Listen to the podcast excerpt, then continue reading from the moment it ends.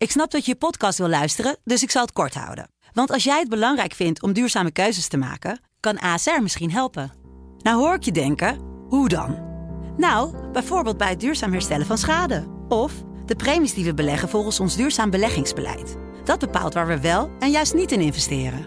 Wil je meer weten over welke duurzame keuzes ASR maakt? Ga dan naar asr.nl slash duurzame keuzes. ASR doet het. Zo, dan kan je nu lekker naar je podcast luisteren.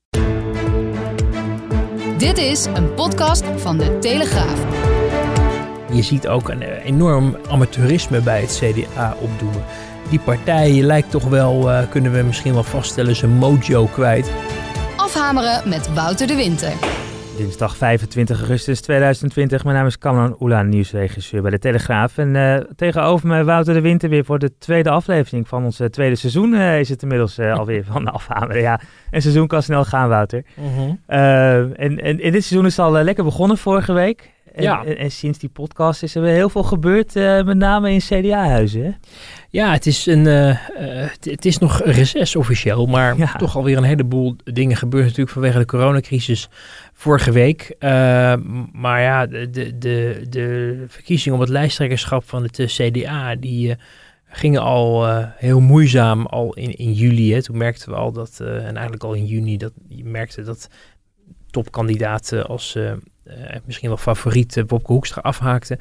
Eh, en daarna nog ehm, allerlei mensen hun vinger opstaken waarvan je het ook niet, misschien niet had verwacht. Bijvoorbeeld eh, Martijn van Helvert. Nou, die viel wel af. Mode Keizer haalde het uiteindelijk niet. En uiteindelijk ging de strijd dus tussen eh, Hugo de Jonge en Pieter Omtzigt. En met de hakken over de sloot eigenlijk gewonnen door, door Hugo de Jonge. En, en sindsdien is er gek genoeg blijvende ja, onduidelijkheid en, en misschien ook wel wantrouwen.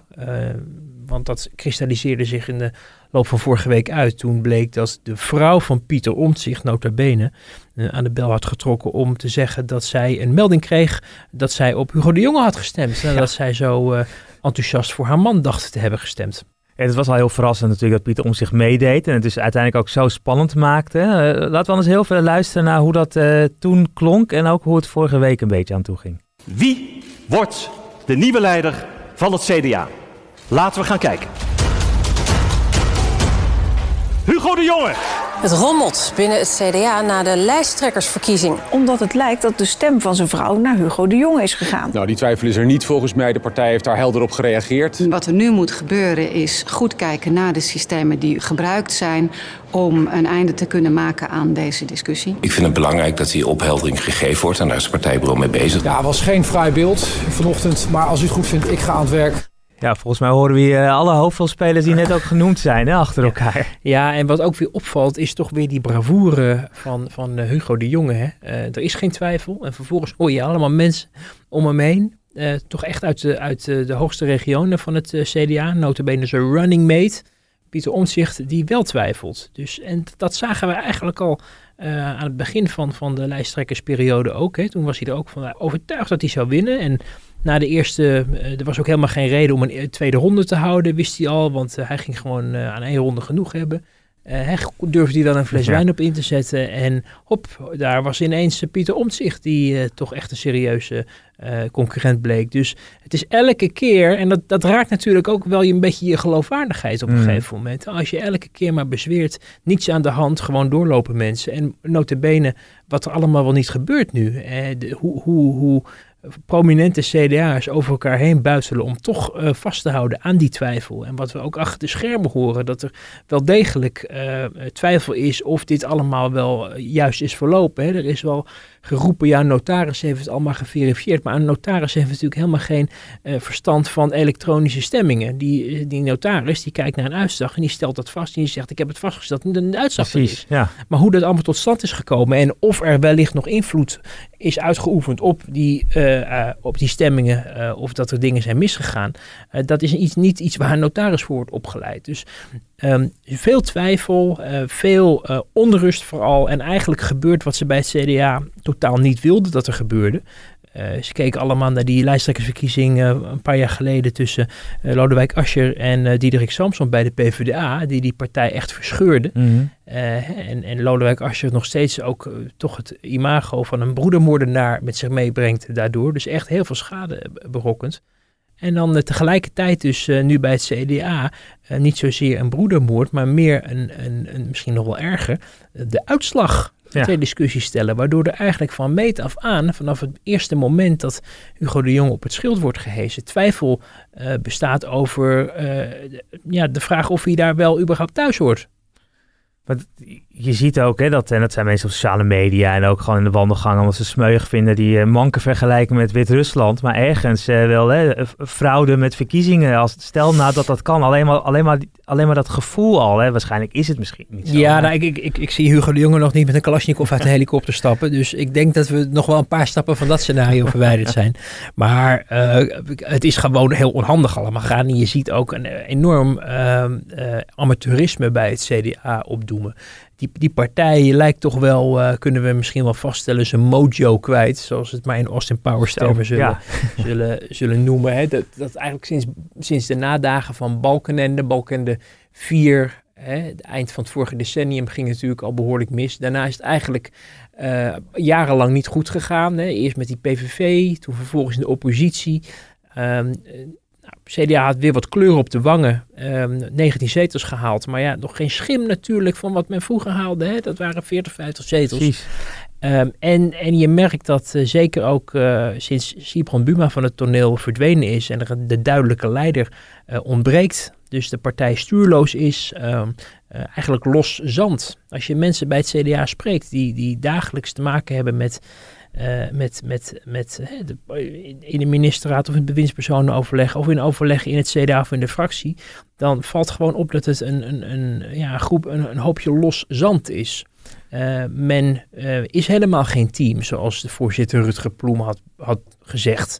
Hè, één, we zijn allemaal één team, één CDA-team. Nee, als je mensen spreekt die dan verondersteld worden deel uit te maken van het CDA-team, hoor je juist dat ze nooit een team waren en dat ook niet zijn. Dat het meer gewoon werkafspraken zijn uh, tussen mensen die met elkaar uh, toevallig moeten samenwerken. Maar een groot CDA-gevoel uh, ontbreekt. En daarmee ook een enorme behoefte om één leider aan te wijzen en daar ook massaal achter te gaan staan. Want als je nog geen 51% van de stemmen haalt, uh, ja, dan, dan is je mandaat eigenlijk uiterst wankel, mm. uiterst zwak.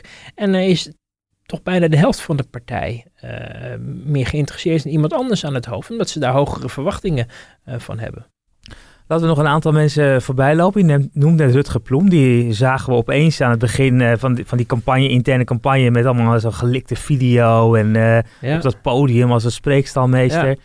Ja, daar ging het ook eigenlijk al mis, hè? Want, want die, die begon, hebben het hier een paar maanden geleden eh, ook in de podcast volgens mij behandeld. Dat, dat filmpje wat ja. hij toen maakte hè, van de, CDA kiest de nummer 1.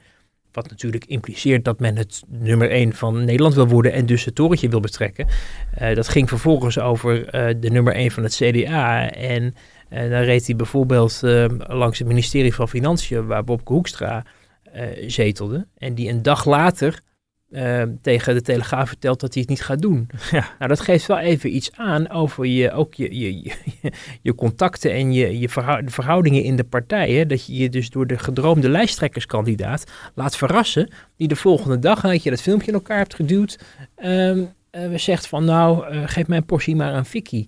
Uh, en wat zich daarna ontvouwde was een, een, een uh, ja, toch wel een onwaarachtig uh, schouwspel waarin Hugo de Jonge zijn vinger opstak was misschien ook wel een beetje te verwachten. Uh, je hoort nu achter de schermen dat als uh, Hoekstra had gedaan, dat Hugo de Jonge misschien het wel helemaal niet had geprobeerd. Omdat hij natuurlijk ook met de coronacrisis uh, te maken heeft. Maar ja, omdat Hoekstra ontbrak, iemand moet het doen. En de, ze zeggen bij het CDA dat de partij het Hugo de Jonge niet vergeven zou hebben als hij niet zijn verantwoordelijkheid zou hebben genomen hm. om dan als alternatief voor Hoekstra dus nu zijn vingeren op te steken.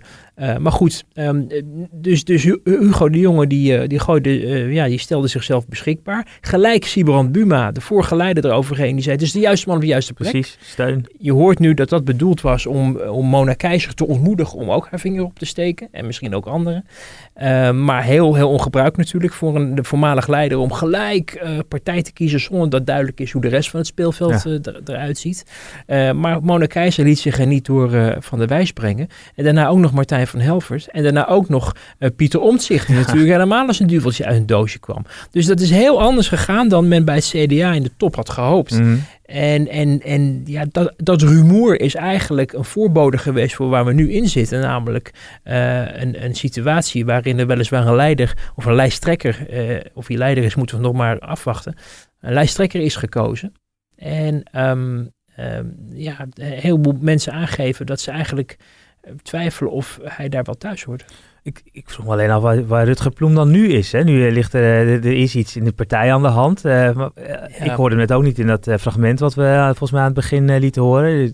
Ja, het, is, het getuigt van, van, van zwak leiderschap en ik denk ook een dysfunctionerende partijtop. Zo heb ik het ook in mijn column vandaag omschreven. vandaag is dinsdag trouwens.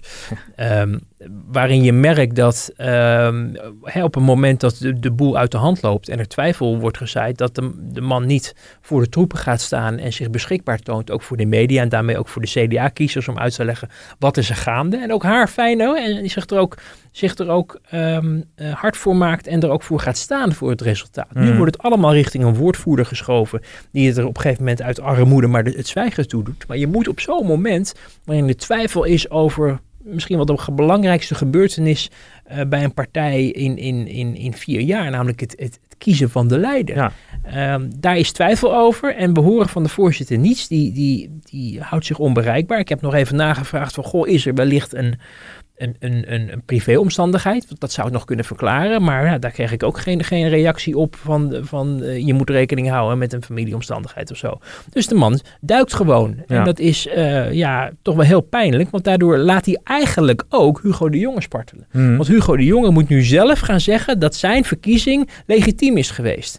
Uh, want ja, de partij, die, die, die, die, die zeker de voorzitter, hult zich in, in stilzwijgen. Dus dat is voor Hugo de Jonge natuurlijk ook heel pijnlijk. Dus um, ja, ik, ik ben erover verbaasd dat een partij die, waar ik ook lang van heb verondersteld dat ze achter de schermen de zaakjes wel op orde hadden, uh, de zaak nu zo uit de klauwen laat lopen. Wie in ieder geval niet uh, afgelopen week zweeg was Mona Keizer. Die stond vrijdag opeens voor de camera's om uh, ook nog even een knuppeltje in, in de hondenhok te gooien. Ik vind het heel goed om te vragen van hoe, is, hoe zit dat nou? Want je moet uiteindelijk geen discussies hebben over de uitslag. Precies, en we hebben nog even nagevraagd. Er stonden geen uh, agendapunten van haar op de ministerraadagenda. Um, dan kan je afvragen, wat deed ze daar dan? Want hè? Ze staatssecretaris, zij hoeft daar niet te zijn. Zo is dat. Ja. De ministers zitten in de ministerraad en een staatssecretaris komt langs om een minister te vervangen. Of als er een belangrijk onderwerp is wat, uh, wat, wat haar, haar, of zijn portefeuille uh, aangaat. Hè? Dus wat ze zelf inbrengen, wetsvoorstel of wat dan ook.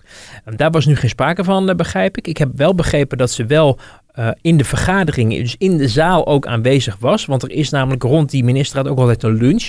En het is niet ongebruikelijk dat verschillende leden van het kabinet, staatssecretarissen ook daarbij aanschuiven. Omdat het, men probeert daar wel een team uh, te creëren. Mm-hmm. Uh, dus dan komt Sientje van Veldhoven langs en, en de staatssecretarissen van, uh, van Binnenlandse Zaken, Financiën ook nog wel. Mm. maar ik begreep dat, dat Mona Keizer ook daadwerkelijk in de zaal waar nu de ministerraad wordt gehouden geweest is.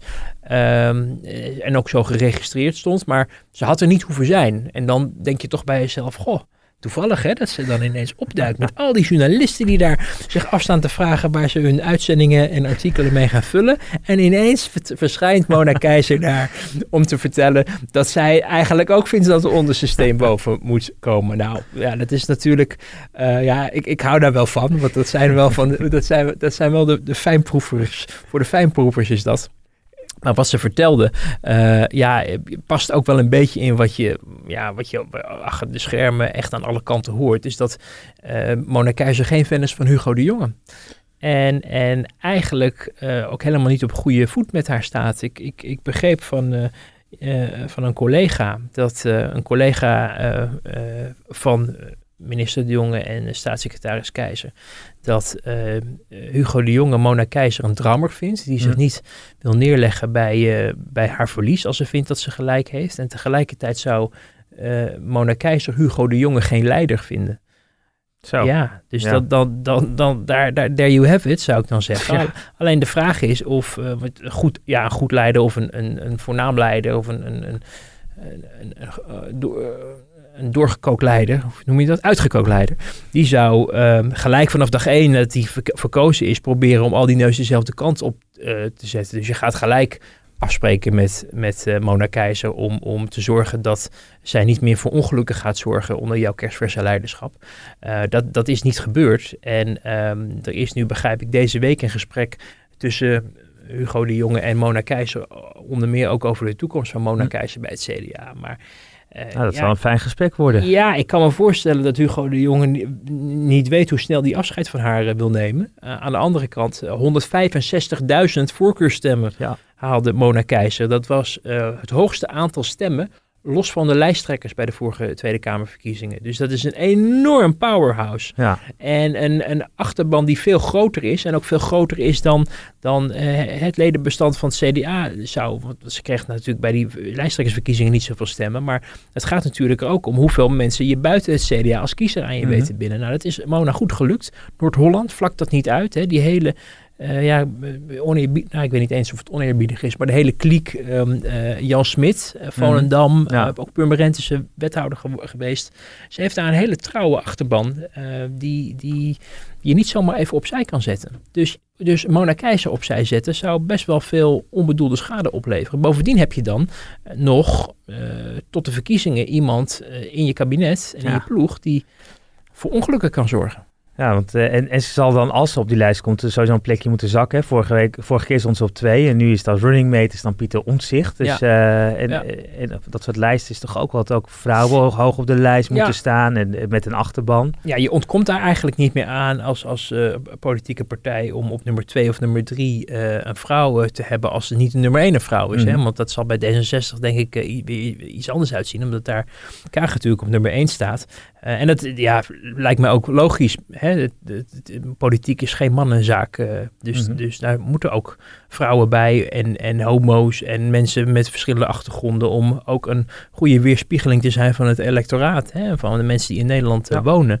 Um, en ik weet niet of ja, van twee naar drie, nou, dat is, daar komt ze nog wel overheen, denk ik. Ja. Uh, de vraag is of ze in de top 10 komt. Ja, precies. Dat, hè, dat, dat, uh, hoe ver gaat ze, uh, moet ze nog verder? ja, als je ja. nu ineens op nummer 9 ook belandt, dat zou ook wel wat pijnlijk zijn. maar kortom, het feit dat we het over dit soort dingen al hebben, geeft aan dat het...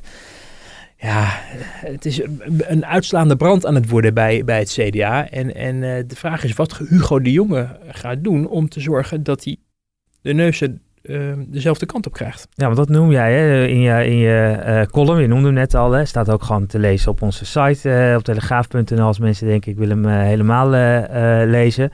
Um, hebben de meeste luisteraars natuurlijk al lang gedaan. Ja, maar je kan maandagavond al F5 op uiteraard, te kijken. Uiteraard, maar stel je het toch gemist uh, of je bent hier opeens beland. Stel, ja, stel je voor. Ja, stel je voor. Ja.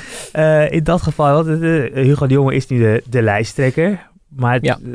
is hij ook de leider? Hè? Dat is een beetje de. Daar, daar gaat de column uiteindelijk Precies, over. Precies, ja. En, en dat is, dat is echt, echt de vraag. Ik vind dat we van het leiderschap van de jongen tot nu toe eigenlijk uh, niets hebben gezien. Niemand ontkent dat de man hard werkt. Mm. Uh, het is echt. De, uh, Hugo de Jonge heeft een ongelooflijk zware baan nu als minister. Vicepremier is al heel erg zwaar.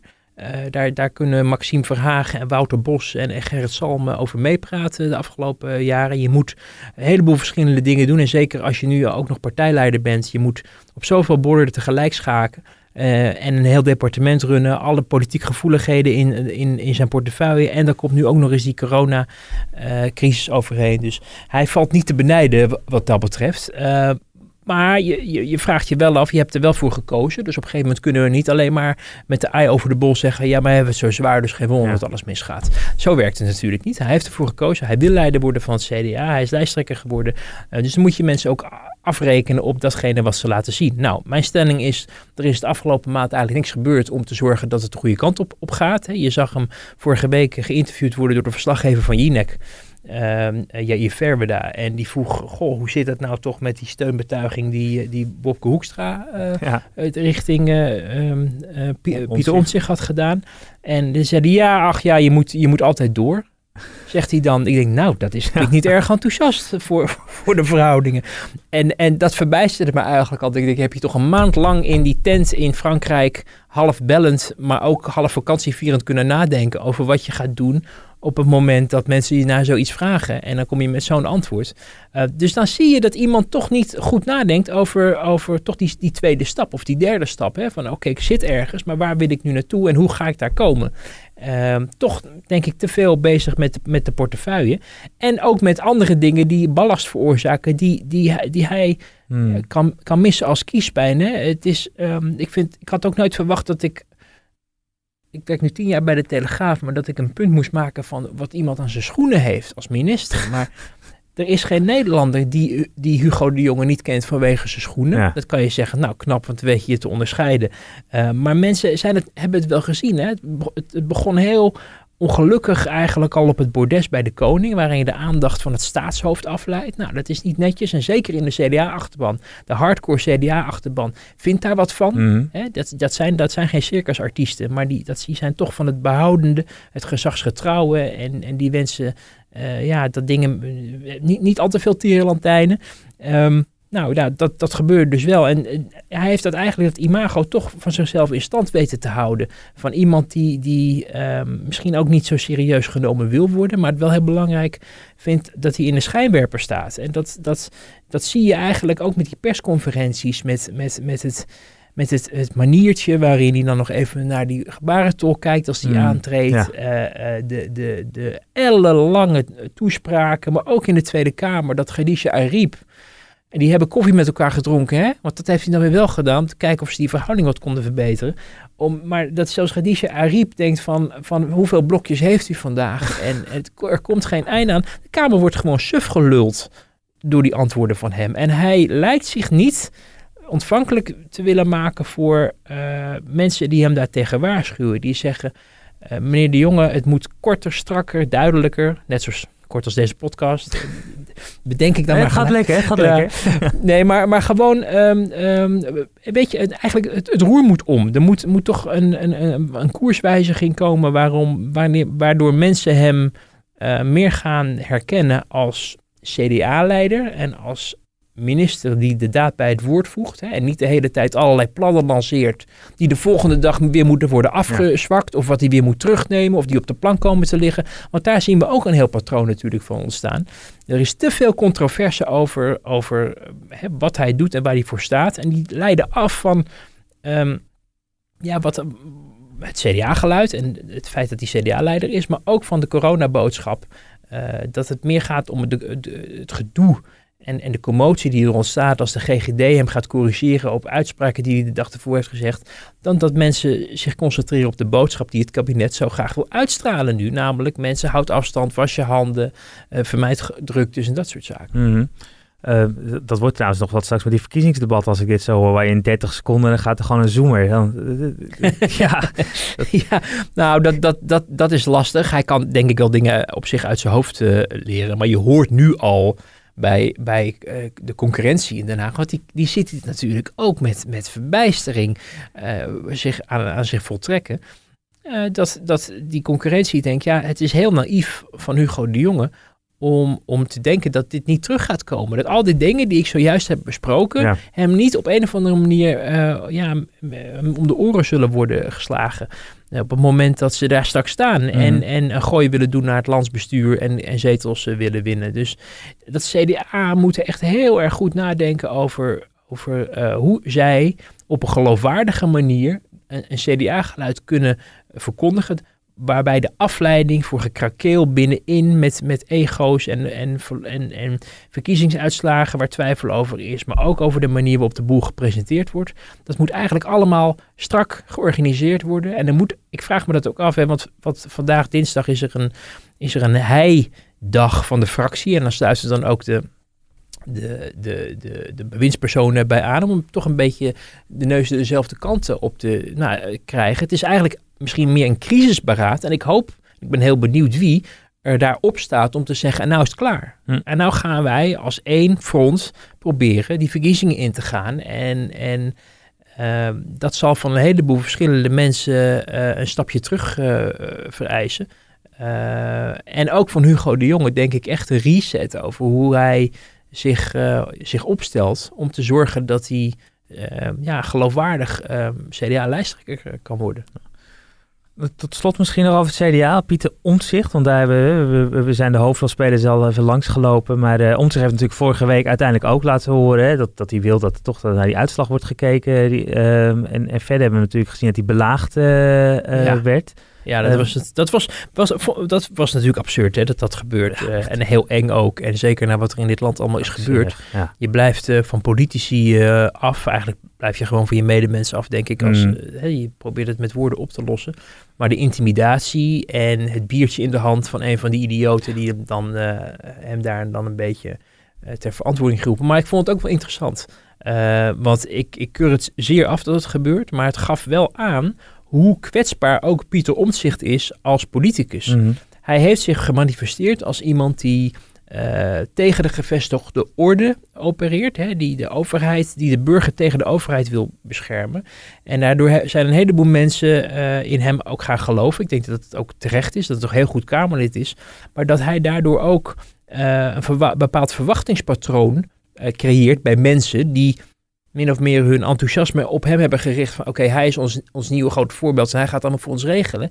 En op het moment dat hij dan niet doet wat sommige mensen in die enthousiaste menigte van hem verwachten, dan gaat die veronderstelde steun gaat ogenblikkelijk weer op iets negatiefs. En dan sta je inderdaad ineens oog in oog op straat met mensen die, die, die totaal niet weten en totaal geen respect hebben of gevoel voor verhoudingen of fatsoen.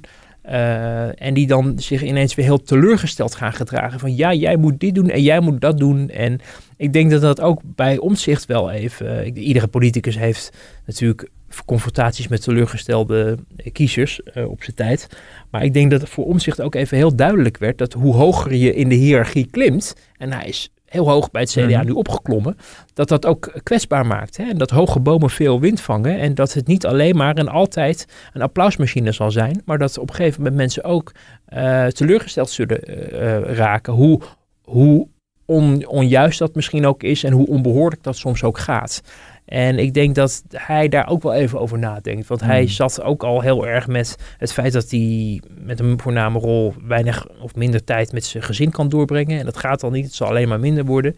Uh, en dan krijg je dus nu ook nog de last van het. Uh, van een, een, een boos deel van de bevolking die niet voor reden vatbaar is. Uh, en wel even denkt dat je met een biertje in de hand even je volksvertegenwoordigers ja. mag intimideren op straat. Um, nou, het dat, is vandaag dus een, uh, op deze dinsdag, en misschien uh, luister je later, een, een, een heidag. nou, dan gaan we ongetwijfeld de komende dagen, een week wel horen wat er allemaal uitkomt en hoe het, hoe het rond die partij gaat. Ja, ik denk dat ze, dat ze een, wel met iets van een, misschien iets van een, een, rapport, een rapportje komen om nogmaals uit te leggen dat het allemaal toch heel netjes is gegaan. de grote vraag is, blijft de komt dan de geest in de fles? Uh, blijft het stil rond uh, de vraag of het inderdaad zo netjes gegaan is. Hè? Ik, als, uh, ik weet niet of het terecht zou zijn, maar het is in ieder geval wel nodig voor het CDA dat de rijen gesloten worden. Hm. Wil men geloofwaardige de toekomst ingaan. Um, en waarom ik dat dan niet terecht vind, omdat ik ook niet per se het gevoel heb dat dit goed is gegaan. Hm. En daardoor blijft er een soort ja, smet hangen op, op, op die verkiezingen. En daarmee ook degene die als, daar als leider uh, voor uit de bus is gekomen. De parlementaire redactie en juist politiek commentator blijft het uiteraard uh, scherp volgen. Uh, het is in ieder geval uh, een stuk spannender dan uh, de verkiezing bij Democraten 66, hè? Ja, dat sowieso. D66, die verkiezing is niet spannend. Maar wat wel heel spannend is, en ik denk dat we dat de komende tijd wel gaan zien, is dat je zal zien dat het CDA ligt nu redelijk op de grond. Uh, dat betekent dat er andere partijen uh, ja, misschien denken van, oh, dat geeft voor ons ook weer kansen. En ik weet niet of de communicerende vaten van het CDA D66 uh, ja, heel groot zijn, maar in, het, in, het, in het gevecht zal je zien, om het gevecht om de stem van de kiezer, dat uh, ook de pijlen op een gegeven moment wel richting mevrouw Kaag zullen gaan. Mm. Die toch als redelijk uh, onbevlekt blad, ja, zeg ik dat? Is dat goed Nederlands? Ja, dat, ik weet niet goed Nederlands. Het, het klinkt ja. wel... Uh, dat, je snapt in ieder geval wat ja, ik bedoel. Ja, ik snap wat je bedoelt, ja. geen boze brieven sturen mensen. maar maar dat, dat, dat, mensen willen van, natuurlijk van, van haar weten waar staat ze voor, wat wil ze. En, en houdt D66 zich aan datgene waar ze de afgelopen 3,5 jaar hun handtekeningen onder hebben gezet natuurlijk in in, in de coalitie. Dat is iets wat, wat, waar je nu al uh, twijfels over hoort. Mensen zich afvragen van, goh, um, houdt D66 uh, zich aan de afspraken? blijven ze staan over datgene wat ze hebben gesteund? Of gaan ze zich proberen te profileren? En hoe gaat Kaag dat dan doen? Want die heeft toch als minister min of meer zich overal, of niet eens min of meer, die heeft zich overal mede verantwoordelijk voor gemaakt. Kortom, daar gaat ook bij andere partijen een heleboel gebeuren. Als het CDA ons maar niet al te veel van de straat houdt, denk ik. Nou, kijk, dan uh, gaan we daar ongetwijfeld de komende weken uitgebreider over hebben. Want uh, nu konden we gewoon half uur over het CDA ja. praten. Er is ja. ook nog een coronacrisis in het land, geloof ik. En, ja. uh, en het reces is bijna officieel voorbij. Hè? Dus volgende, volgende week, week, is, beginnen ze weer. Nou, dan, dan, beginnen we officieel ook. Dit was een beetje, dit was eigenlijk voor plezier. D dit was de proloog. ja. Uh, Wouter, bedankt. Uh, en u natuurlijk bedankt voor het uh, luisteren. Abonneert u zich vooral op, op deze podcast als u ook na het reces niets wil missen. tot de volgende. Dank u wel. Dag. Dit was Afhameren met Wouter de Winter. Aan deze podcast werkte mee producer en redacteur Marieke Mager. Wilt u geen enkele aflevering missen? Abonneert u zich dan via uw favoriete podcast-app op deze podcast. Meer Afhameren met Wouter de Winter? Kijk dan ook naar de wekelijkse video op telegraaf.nl.